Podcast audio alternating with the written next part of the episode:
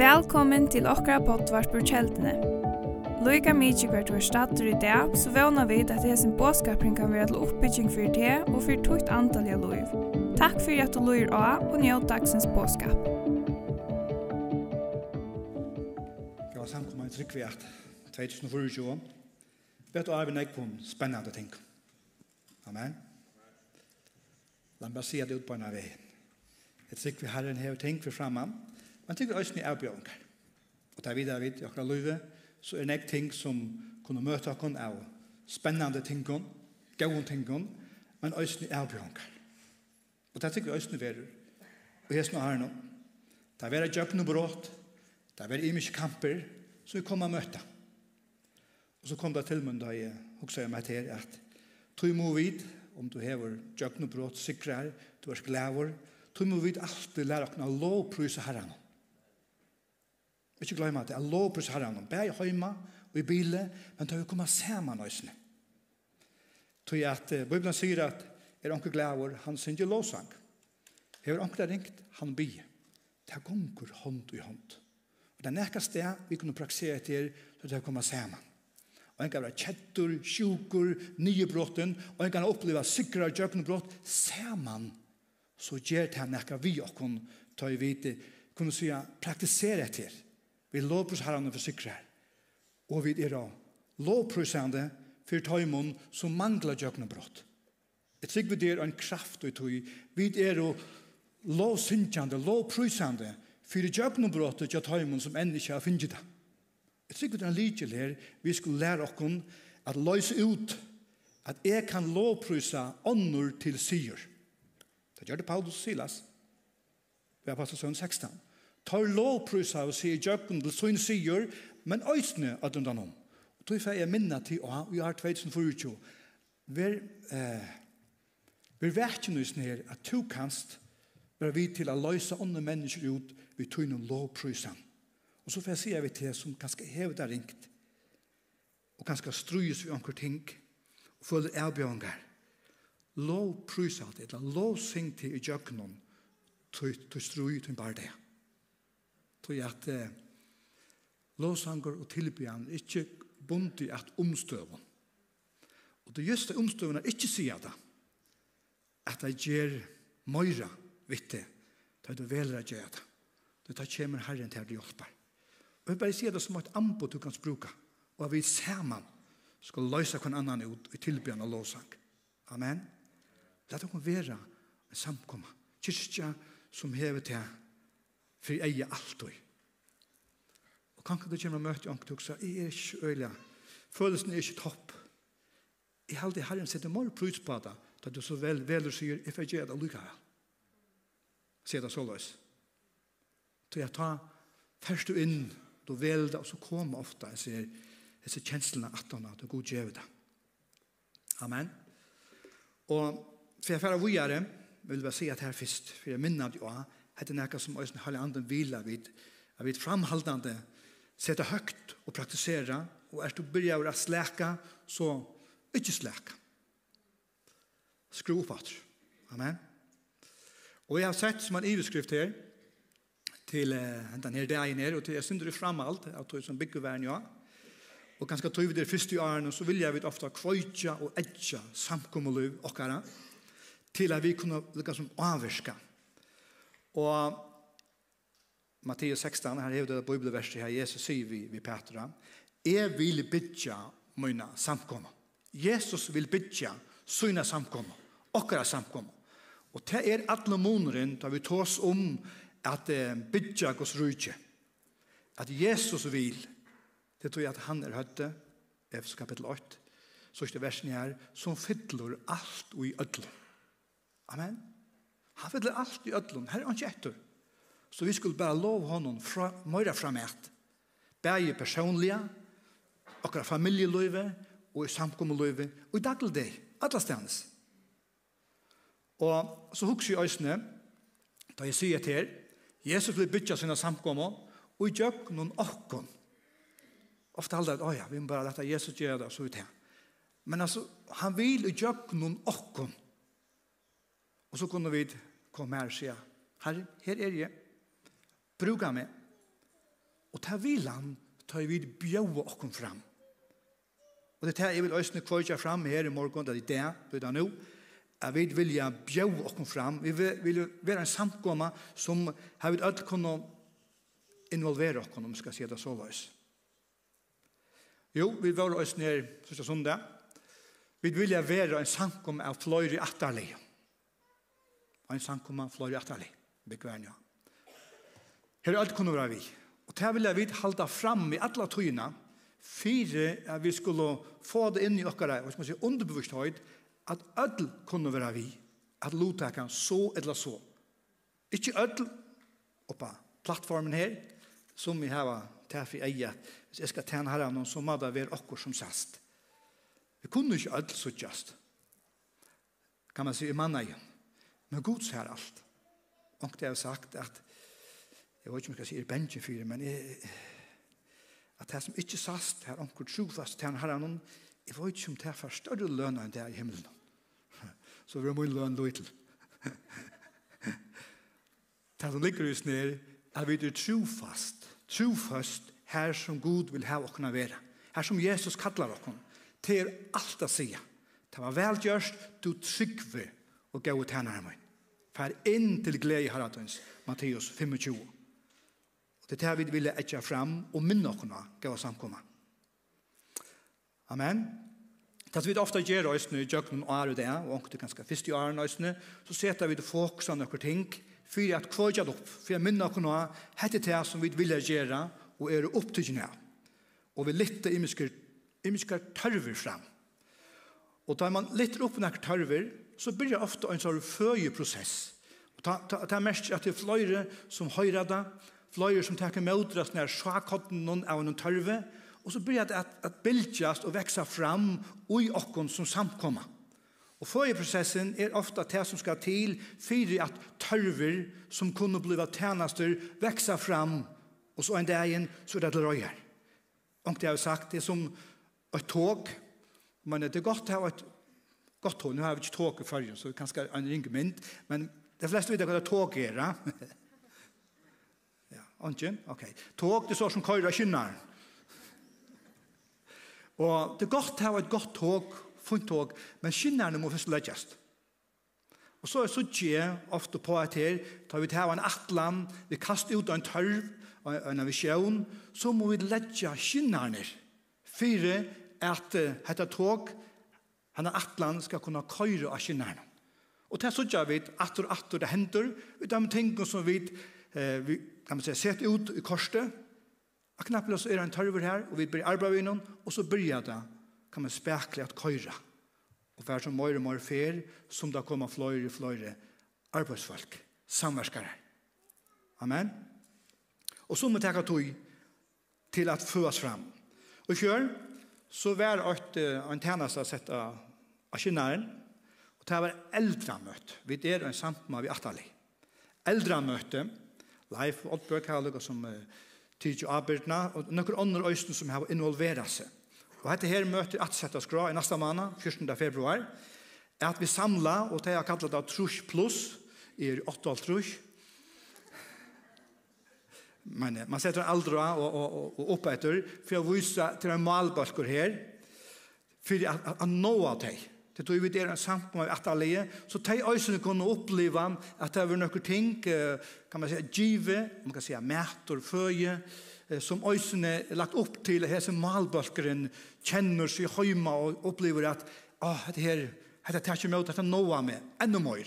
Lukas väl som vi det här ungdomsmötet så näka. Så det är sett kan man si, av kinnaren. Og det som ser området her, nå da vi får vi er, det er vi tar fløyer som øsene kunne hjelpe til. Det er nekvar som eldre kanskje kunne ikke komme inn, det kunne ikke, har ikke fast. Så får jeg høyde samkomne hjelp til å få deg inn av disse her møtene som er og Ofte er det migdag eller torsdag, og det er så 14. februar. Jeg halver det migdag. Men det kommer så av skråa. Det tror jeg vi ikke. Og vi har også haft andre ting framme. Og vi kan si hva kunne vi stretche oss til. Og jo eldre møtte jeg kom her, men hva vet jeg omsorger tjenestene? Vi tar utrettet hånden, vidtjener tjenestene og annet. Og her halte jeg at en lier her, som vi kanskje suttje en tørvra til det kunne vi færa ut til kanskje si eldre, som kanskje ikke så alltid lagt komme og møte, Så vi har fløyre og fløyre eldre i samkommelige nokkere. Og det er naturlig gongt. Jeg vil si om du er en ungdomssamkomma, de unge blir øyne for gommel. Så Så tog må vi heva, kan man säga, tjänastor för öll attarlig.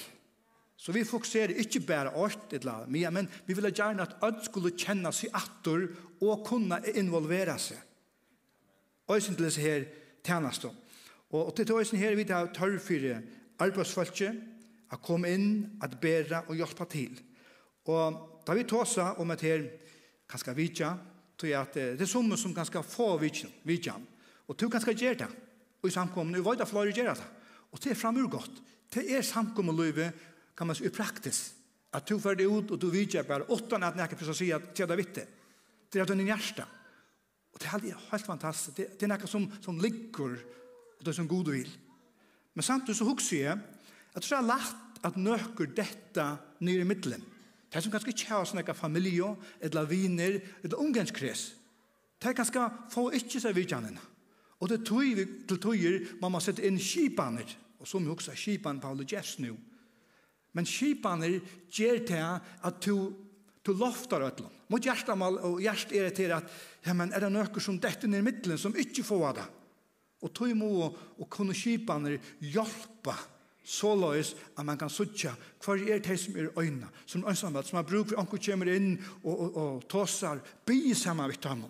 Det får ikke komme. Og i det så kanskje er det flere her ute som tog bete kunne ha vi av strøymyndene, det kunne fylte vi, og, og møtteka Guds år, men kanskje har bruk for øyne anker legger hånden av byen for dem, eller tåsar, eller leser Guds år for dem. Anbaka til Guds 4.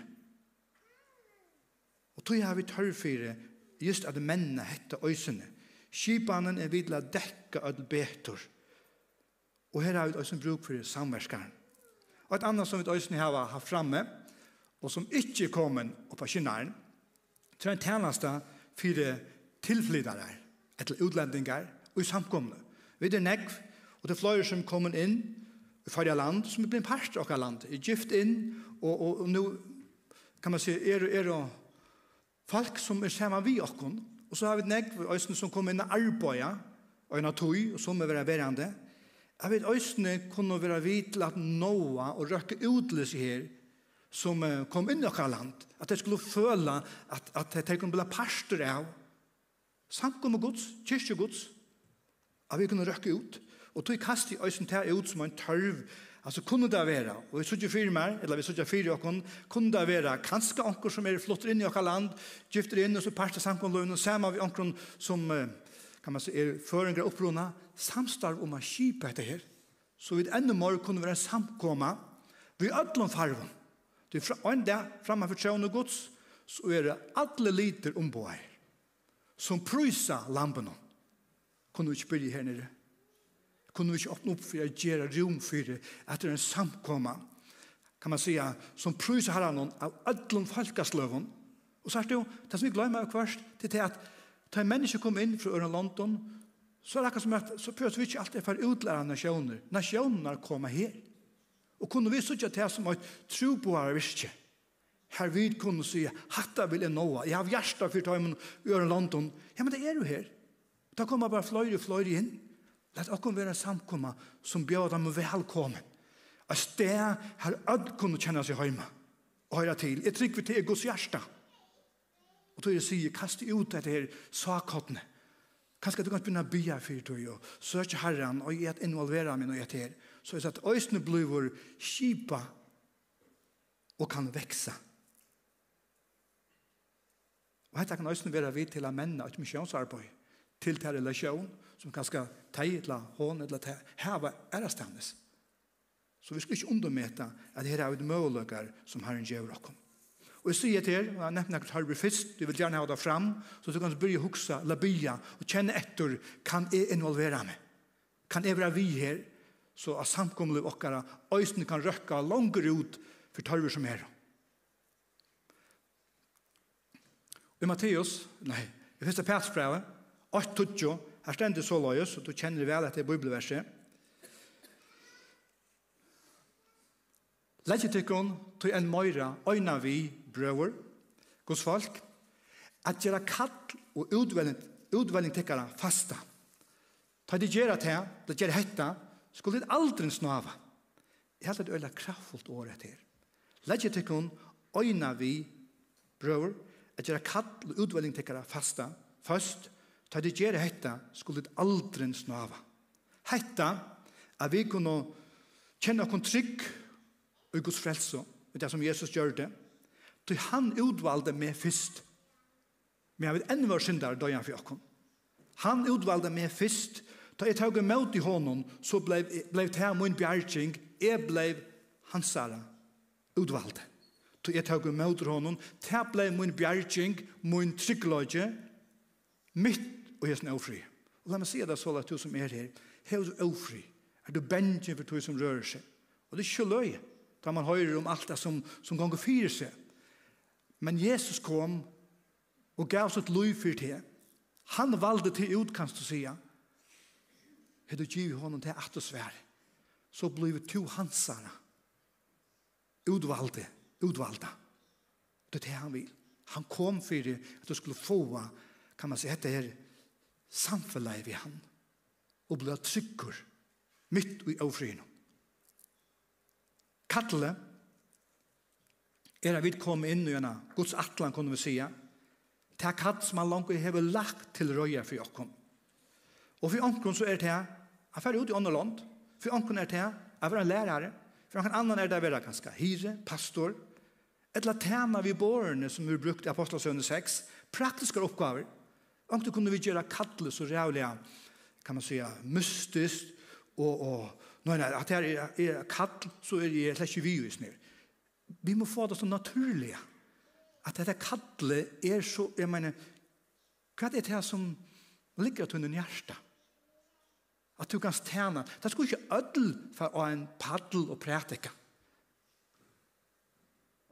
Men vi kunne ødel være et vittne, kan man si, daglig deg Vi kan alt bjør oss fram og gjøre mye oppgaven som er tørver å for å styrke, for å menne, for å vekse.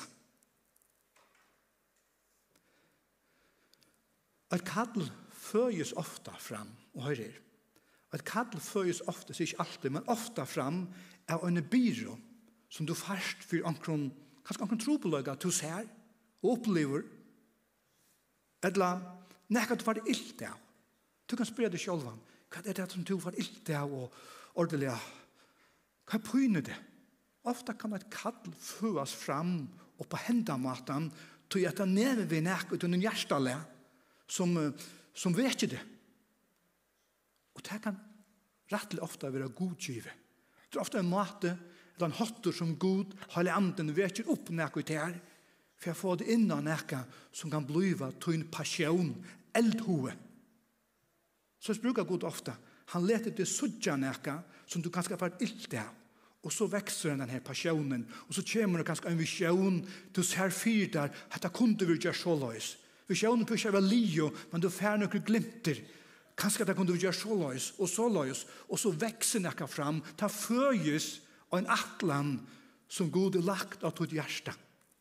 Nehemia, og sånn er ferdig lengt inn i det, men vi er ofte prætt om Nehemia vi har inte sagt Nehemia i min fyrmynd, djöknon hansara, kan man säga, bøk, og i åren opplevde jeg mot kall, ble stedfest.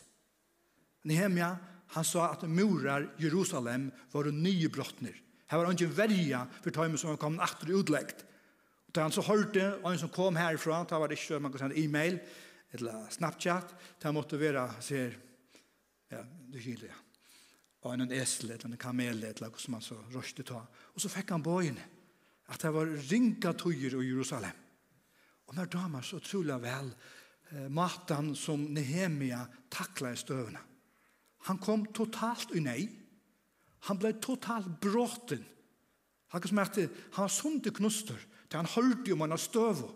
Da rakte han, da traff han og hjertet han. Han fikk ilt av han.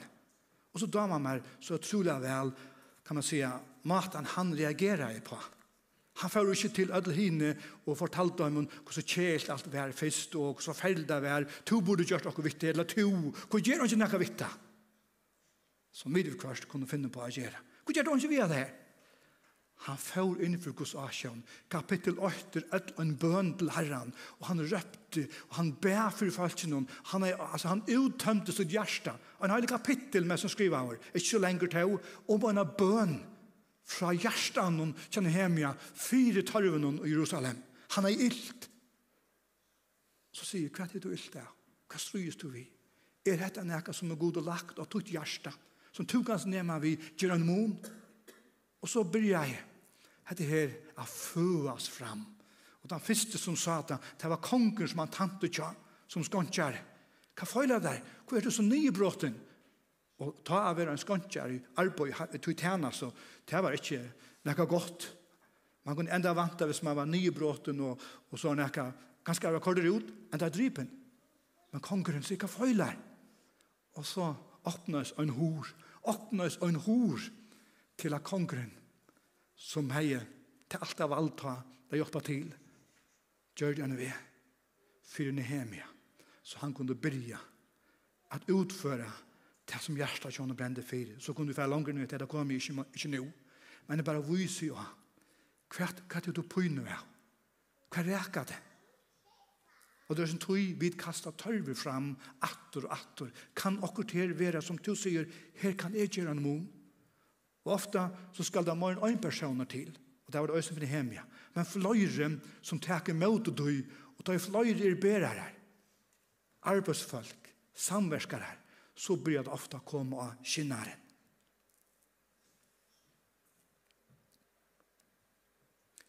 Og vi har også da Jesus kallar sina lærersvenner færre ut, apostlene Lukas Tudjo, men du kjenner nok øyne i år her, Og han sier vi tar, Jesus, vi lærer sånn her. Skoren er større, men arbeidsmennene er og feir. Bygget i herra, skorsens, sende, sende ut arbeidsmenn, sammerskarar, til skorsen. Færdig av sted, er sendetekken som lomp midt i middelen ulvar. Tar byrja å bya etter arbeidsfolk, og det tror vi det av bønna møtt. Hesse lærer sånn her, tar ble svære på sine egne bøner. Jeg sier, jeg sender tikkum. Han bare først bia, og så sender han der. Det kan være en å bia ved kvørst, du kan skal bli to bøner svær. og det er ofte vi min erfaring. Da jeg bia for noen ting, så har vi også ofte kunnet være bøner svær. Men jeg kan ikke bøner svær alt, det kan stå heller ikke. Og kanskje du har vidt la fua bønarsvære som noen annar trakkar noe og du kan svare bønardekninger eller du kan svare tann som kan sove noe i dag. Og så løs samstarva vid ved at utføre Guds verk. Og så sier han her på en som lamp i middelen ulvar. I Petsbrevet stender at djevelen er som en brølande løva. Stand under mot første trunne. Og det er akkurat som for jeg viser okken av ham, er vi som de som færre ut, vi møter noen erbjørn. Vi møter noen ulvån sier ikke hvor det er.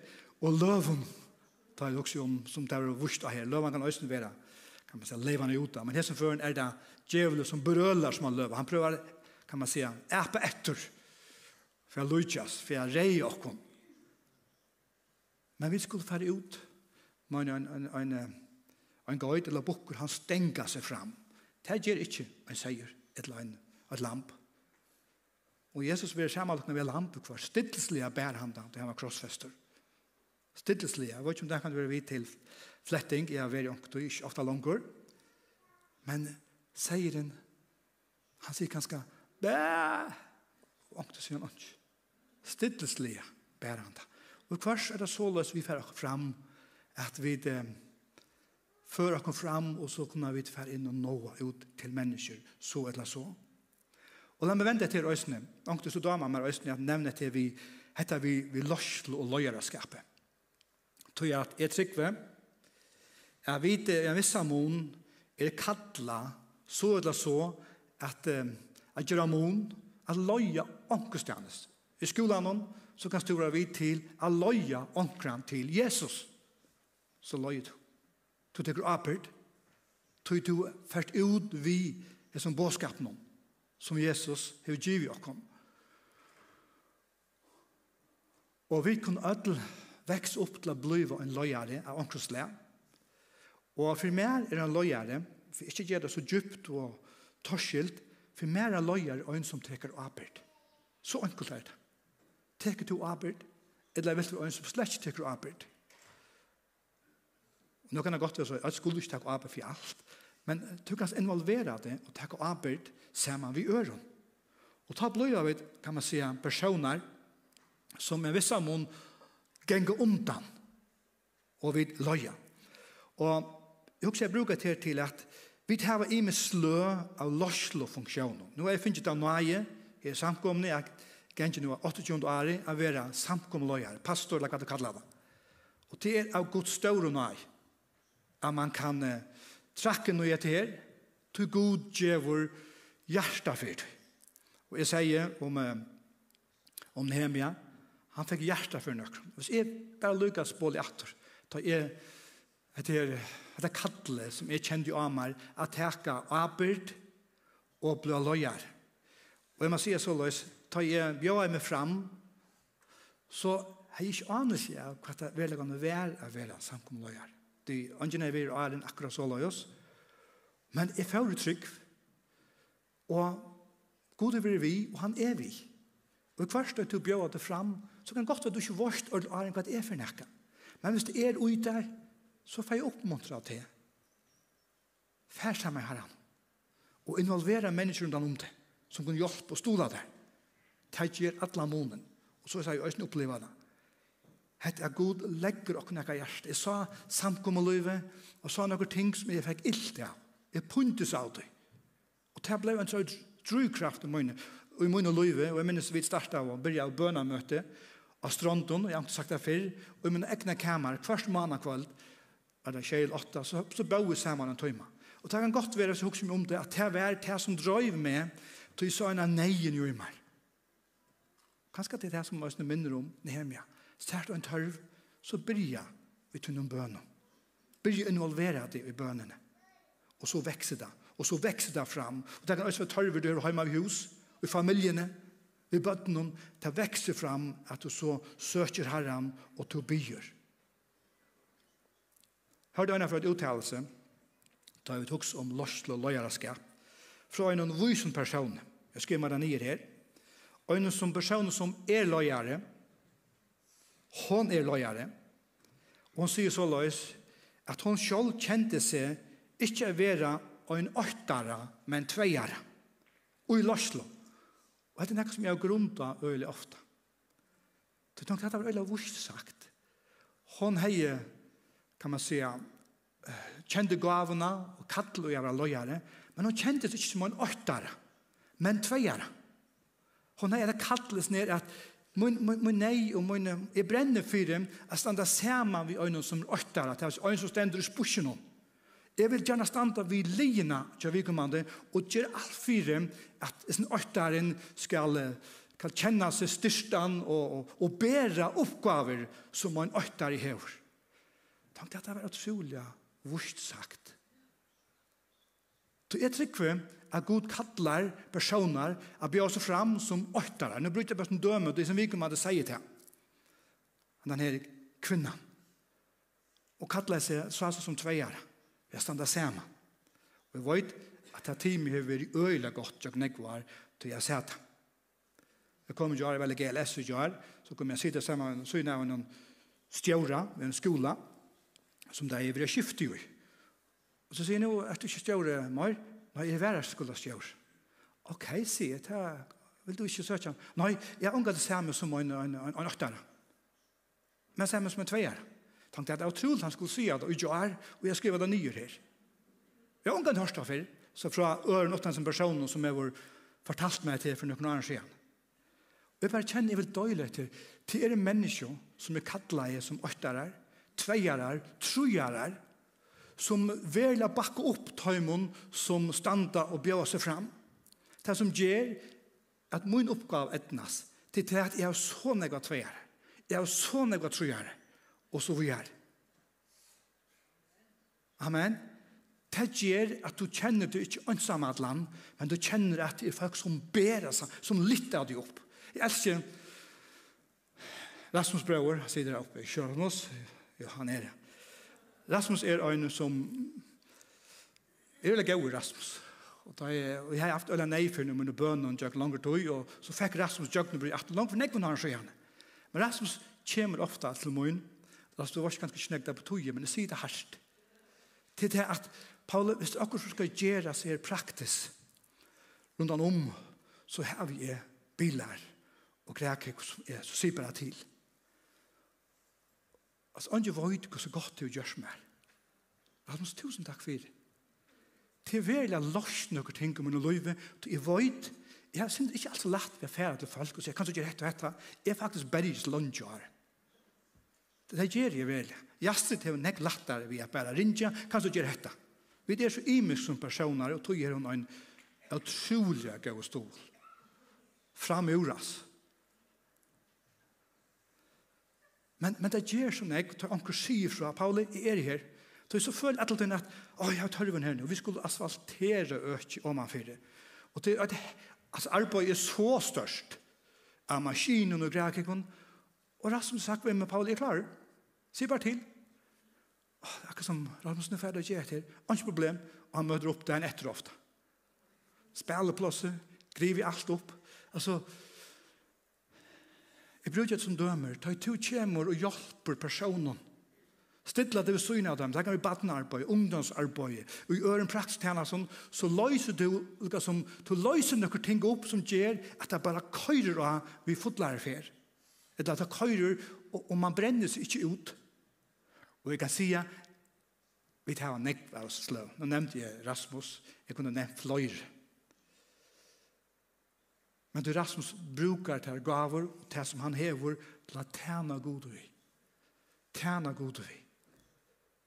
Og det gjør naturlig stramon. Så vi hever åttar tve. Og så husker jeg, da jeg hittet til Låsanje. Låsa tænasten øyla kjønnelig. Og det er bjørn av Låsa tænasten. Da det bjør det frem av er edgjene. Det er man gjør i Låsa tænasten. Og da får Låsa tænasten og det som er ute i øyla ofte. mer motstå. Fudgjenden, han brøler, han brölar, han røyner å få køftet som bjør seg fram. Det låsangren ganger ofta fram, främst i de andalige ströjna. Det gör han ofta, så läser kursorier, ofta sagt det fyrre. Og, og det er godt, ofta så ser man øyne åttarar og tveiarar og trujarar i låsens tjeneste. Det er de som lattare kunne brøde og gjøknum. Og medan du kan sutja de som er så bakkende opp til åttaren at det løser han ut til henne. Og det er så det kan fungere. Men la meg så si til, det kan godt være, og en trojare, og en tveiere blir øktar. Sjålant. Vi vekser. Og Gud ser akkurat trofeste. Og tog sier Østene jo i låsa tjennesten, bakka kvann annan opp hver du erst. Bakka kvann annan opp. Så løys at han som bjør seg fram og i spørsmål kjenner seg barna. Det er vi til at inntekka sikrar og få flere jøgnebrott og flere mennesker være møtt. Hva tar vi så er?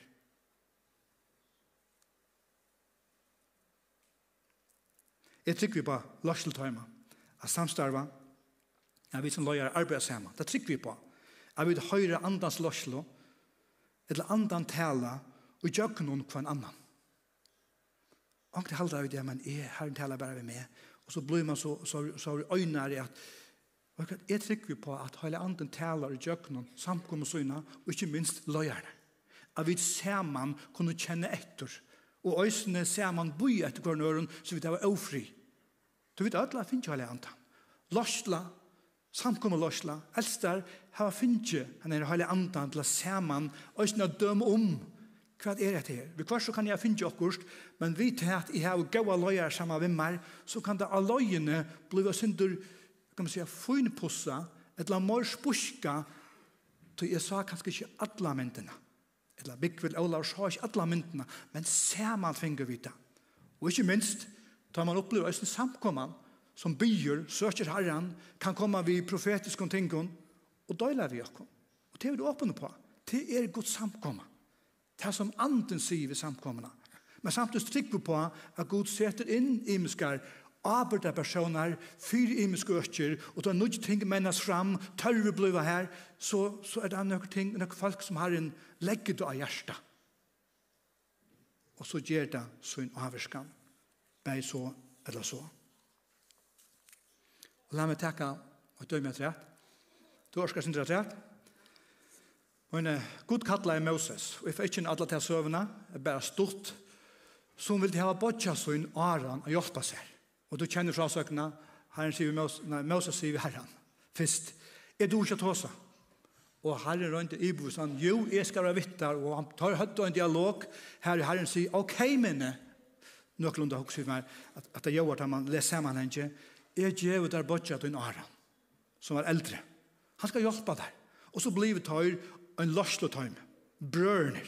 Men ikke nok tog, og et kursang først av låsang til det kom ur om reihavet. Det var Miriam, hon løyte i låsang, og vet hvor hon var? Hon var større søsteren til Moses, det var hon som kørte han i ånda, da han skulle verja kjødripen. Større søsteren.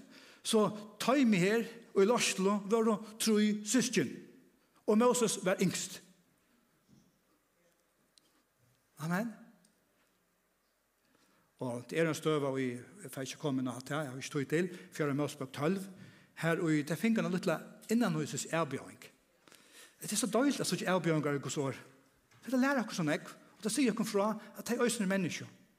Hver og Aron og Miriam sier så løyos, i vers 2, til søtte vi Moses. Er det Moses han eneste i høyre herren tala, tala vi? Hever han ikke øysen tala vi okkon, Og så stender Herren hørte det. Og faktisk vi har hatt det slett ikke godt som det har gjort. Tog at de lukket som sette seg opp i møter Moses. Kan man si at da, i gamle pak, så var Lortland øyelig, kan man si, spuska. Og i nødvendig pak talte du sier, synd du må møyre tøymes arbeid, men det er arbeid som en tøyme. Og de ville det lukke som, ja, men, jeg så ikke firma, Moses, du har lyttet på ikke. Jeg er større søster og større bodje, Vi høyre øyne herren, og det er det holega som. Så vi har øyne hese avbjørngar og i lorslo. Og tog skulle vi finne hver annan. Paulus, han er øyne imiskar mentorer, og sunne løyve. Hver i han, da han ble frelstor, så har vi apostelstund nudjo. Da var det Ananias som kom til han. God sier vi Ananias fær til Paulus, han er her, han er blind, han finnes sjån nattor, men han gjør møte vi med. Og han var til han, bæ saman vi noen, og han fikk sjån nattor, da han var nøyfrelstor. Og så gjør vi langt framme, så kom Barnabas, til han og lodde han til apostlene her. Så, og Barnabas kom så 8 og 17, stendet vi apostlene 15. Og anker du, så sørger vi at disse forskjellige personer har imenskar mentorer. Og det er Paulus øsne, og han han blei den store mentoren. Det er blei Paulus velja. Timotheus, Titus, han sett inn Lorslo, og samkommeløs, og leser om, om brød i brøvene. Og han blei den store mentoren. Og jeg sier til fra vis og han, Jeg så vi øyne god at vi skulle bliva og i akkurat løyve, kanskje mentorer, hjelp på øren, yngre. Det er yngre hjelp med her. Og så kan jeg være vidt atter at hjelp på øren. Og så hikker et apostelsøne, kapittel 14-15, nok stort til å sutja at jeg tar kjente Barnabas og Paulus ut av misjonsrøys. Og det er nok så avverst, jeg forstår jeg kommer nada, til at det er øyelig ofte at det er for, så stender at Barnabas og Paulus kommer her, Barnabas og Paulus. Det er akkurat som at det viser mer og at Barnabas var lukket som tøymesløyer. Men så langer ut, så blir det mer og mer å vente Paulus og Barnabas. Så hun sier, hei, er det skiftet her? Er det noen ting her som Gud er prøver å skifte nå? Noe som, nå er Paulus voksen her til, og, og det stender enda i kapittel 14, 12, at det var Paulus som førde i år, året. Da det var Gud brukte det mektige. Folk så at Paulus førde i året. Jeg tykker vi øsne, og i okkara, kan man si, oppgaven, så kunne skifte være ui. At vi tar øsne suttja da, til det timing for alt. Jeg husker pappa min, han var en eldste, så sier han, nå er min tog liv her, men han ble omgang så aktiv som 18 av til han, til han tog alle de praktiske oppgavene på oss i husen, og alle ordene. Til han sa at det var en oppgave som fyllte nekja lorslo. Og han visste hva det innebär. Så han får, og tante har han noen, kanskje han flotte seg, men tante til han kjente, her kan jeg gjøre mon og hjelpe, ta imot som løye. Og jeg tror også at det er skiftet vi kvart, vi er bare åpen. Og det er ikke negativt. Jeg tykker ikke at, at, at det unge kom, som vi har sagt her før, for jeg skumper henne ut, men skumper henne opp. Litt av henne opp. Så det som han har hatt vil god bytja, syna samkommer, Og han brukar okkon, han brukar kvann annan. Kunne vi, kunne vi hjelpa til yngre atali. Bygget tog seg om Malaki 8.6. Han skal venda gjørst og fedrana til bøtnene, og så bøtn hjertana til fedrana. Hetta kunne vi venda okkon og vera tarra mentor, hjelpar, styrke, så løs at de kommer noe til. Ikke være bensin fyrir du. Kunne vi Hjelpa taimun som sitter av bansjonon, som jeg omkje av tås som fyrr, at da en banker er sterskere enn fabbaslige, så avvirskar at det er et vinnande li.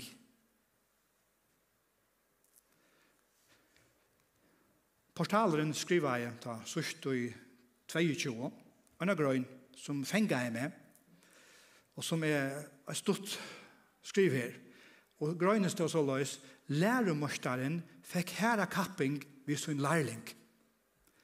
Og da stod skriva, og jeg, så var brekkosykling for det første før rønt i fargen i samband med Vestmanna døven. Okkurs tiltak ved Vestmanna. Så under Helge ved Ålsen var første ramal, men han fikk herra kapping ved unga Niklas Niklasen, som han var venjare tja, som kom i mal 90 sekund 17. Så jeg, wow, venjaren kom 90 sekund fyrre enn så lærlinger kom. Ta hjem han vant vel. Og jeg vet ikke hvordan er det, om den er ferdig så løs, at han er ferdig for å bo i, jeg vet ikke hva kvært. Men, men det er just så løs, vi skulle sudja okkar andre av lovøsene. At vi kunne djeva fra okkon til ånder som veksa og mennas, og en det så sykla de sjådaren vid. Ta halde vi har gjørst et meknar arbeid Ta vi det bygd vel, ta vi givet fra oss. Akkurat som Paulus sier til Timotheus, sett inn eldstar og i hans samkomne, i hans samkomne. Nu ble det knappt Timotheus, som var tannarger, som byrja at sette inn lorslo for kjellige samkommeløyve. Nå leser vi tidsbraunen, og det var noe kreta. Så er det jo, det så løs god vil, jeg vet øysen skulle være vidt at avvirska. at vi kunne bjøre oss fram, Jeg vil si at det kommer til eldre ataleie, som vi ønsker å ta oss om, så kan det godt være yngre ikke, så lagt vi affære vi vidtjer eldre ataleie, men hva er vi åkken, og som er fjørd, og trus, og trus, og hva oppveitur som er velfyrre? kunne vi bjør åkken fram til å gjøre så at ødel vil ha nått, eller være tant, eller være satt, til styrstjer liv. og kanskje at vi enda kunne være langer, som vi veksa sti for sti. Da vi var sammen i Gassadale, så fikk vi et imiske profetiske mynter. Og jeg sa hese myntene som vi bør om, og Olav Rei Øysten, vi skriver noen ting i nyår. Vi om et land Øysten i møyre av andans løyve i 2024. Amen. Møyre av hele andans løyve. Vi sa om fire åkken fløyre grøyngar. Amen. Man byr så sært og fyrer profetisk. Så jeg legger det forvantningen ut. Samtidig så sa jeg, og vi vi skulle samman bia og söka han, så sa jeg igjen den et antall i huset i överbyggningen. Og nå er det timbermauer så tar jeg det kjent i överbyggning så vet jeg at jo hakker det en i överbyggning jo mer ska den styrkas i men ska skrast över. Jag vet inte vi vet inte vad skrast över är i tar man tossar om å bygge hus jeg ska fortälla där stort. Ofte da man har en överbyggning så legger man så skrast över som skulle binda kan man se säga överbyggningen samman så att han inte bara skramlar nyer. Og jo større ibygning er, fløy skråstøvare styrke måste heva for at bæra det, for at halda det på plass. Akkurat som en, en søyle her, hon helter, bæge, kan man säga, tætje noen nye retter, fest nye roi, og øyne opp etter at det ikke sjuk opp, og så var nekka. Og skråstøvare og ibygningen, tesar som styrke, og vi så fyra okkon, er at at en andal huset lyttes opp, ble større, så kommer fløyre og fløyre skråstøvare. Og kanskje to verst, øyne tøymen. Skrastøveren som Herren kommer å bruke til at bære huset, til at styrke huset. Kjenner du hjertet. Og kanskje det er en rokering her, du, du kanskje er veldig omkron, men du kanskje flyter Herren, til det, til det vekser. Vi er åpne på østen at Herren skal rokere noen ting, flyte noen ting, og han bruker til av noen øyne som to erst, en søyla, en sola, en skrastøver. Tog det vekser, tog det vekser, og Herren vil vøkstur. Herren vil at vi skulle fære langkur. Så det var nekket ut som vi så, og akkur kommer så må fram av løyene om at Herren kommer at møte okkur vi sånne er kraft og øsne. La meg enda, klokken er kommet nok snakk nå, og her har vi et bibelvers her. Jeg skal lukke fra vesten, det er litt kaldt det.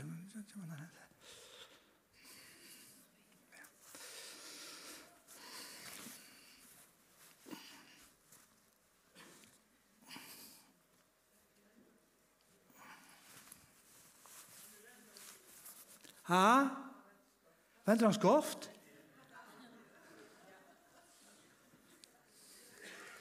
Og heve fram om alt, brennande kærløyga hver til annan, du kærløygen fjaler fjöld synda. Det er nok så synd at han venter skofta. Jeg vet deg om nekkar tårde sier av hvem. At han venter skoft.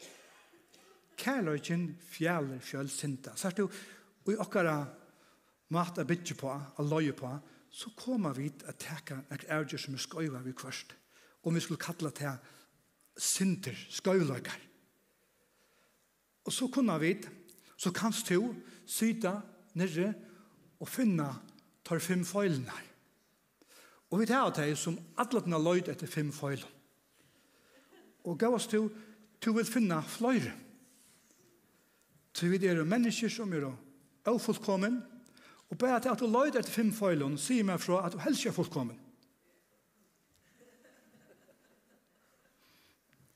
Kærløyken, når jeg her fram om alt, brennende kærløyga hver til annan, til kærløyken fjaller fjöld synda. Kunne vi steg stegen fire, jeg løyder etter feilene, og så hjelpa hver nøyren. Sørsta mannadag, den nest sørsta mannadag, det første bøna måtte vi her, det var nekk folk her, så kom jeg til bønnemøtte, og hjertet ventet så løs. Og jeg visste ikke alt.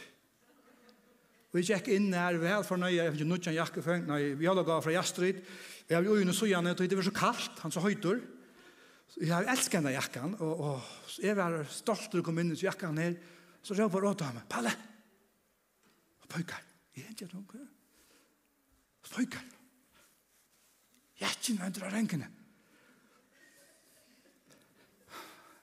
Og tog brette var om det, det første ikke om det, og sier det vimmer på denne veien.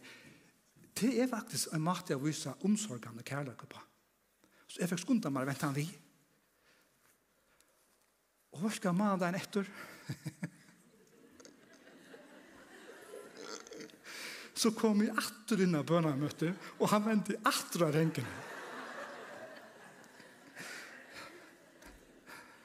Men det ringas ætlån. Oh Lord, have mercy on me. Det var gjestet vi er på møtt. Og hun var ferdig, og han hadde funnet, så jeg kom inn og var inne her på henne. Og hun tjør ikke med etter noen, for det var kjettelig later. Hun forhelder av flendene sier det vimmen på henne vei. Så jeg var til henne, hva finner du? Jeg er ikke vennskøft. Så jeg fikk skundet meg og ventet vi etter. Så, så gav han så til henne, skulle det hente seg kom jeg etter å møte, han vant skoft, så sitter jeg bare vinn med pent, Paule, han vender av renkene. Kærløyken tekur sintui. og så skulle vi vite øysene da vi tog som har bytja Guds hus, være vi til å verja hver annan, dekka hver annan, så løys er vi det. Ser man bytja Guds hus, Guds samkommer, og nå ut i okkara land, tror vi verja hver annan. Og la meg si til det sørst, ikke lova anda av fornærmelse er ikke forstår, er et og språta i dag. Ikke lova anda fornærmelse er la av vera vibretjen, kjærligur, smasarer og barkløk å komme inn. Jeg min frøyne sier ofte at den anden som herskar mest i, i, i, i samkommende til anden av fornærmelse av gavun norskon. Til at føringar ble så jeg lagt fornærmere. Akkurat som, ja, men ånden ber meg til hetta eller hatta, ånden sa meg. Og så ble jeg fornærmet. Og det er kanskje mulig en god grunn at ånden sa meg og, og jeg ble fornærmet. Men så er det fornærmelse, eller være kjærlig og åpner hora for borskløyga. Og borskløyga til en råd som dreper. Totalt. Så gav altså til at det kan ikke være folk som så lagt blir kjærlig, smasær om okkur hendur. Vi må litt okkur noe Vi må lytte oss på om, og etla arbeid vitt du. Etla arbeid vitt du. Og jeg kan godt si at jeg gjennom mine 28 år kjøtt, så har vi ofte haft årsutje fyra jeg var fornærmere. Ofte. Men jeg har valgt ikke å lov din. Jeg har valgt, jeg har hjulpet meg hvis nere, det er hatt det som vi kan si, det har rekt meg, hjulpet meg, og så har jeg kunnet sikne vi kommande, og, og kanskje vi kommande visste ikke engang aldri at det var særende for meg. Og det er så vi vi kvart kunne være. Jeg kan særa til, og jeg var ikke engang autoi, og han så at hele andre minner meg av det. Og så handler jeg sjålan på det hvis jeg gjør det. At jeg kan være aktor og be om fyrtjøring. Men ikke lov det inn. Så er det jo, til jeg vet ikke, det er vi standard i meg ut, eller ble fornærmet i, det er ofte noe som, som gjør at vi ikke vil ha fyrtjøring øren. Vi kan ikke fornærme meg, og så noe jeg at de ikke er fyrtjøring. Fyrtjøring, og det er et evne for selv, men skal bare Vise dere, Ikke at fyrirgjeva er som å drekke gift og vøvna at hin dør. Det sier alt.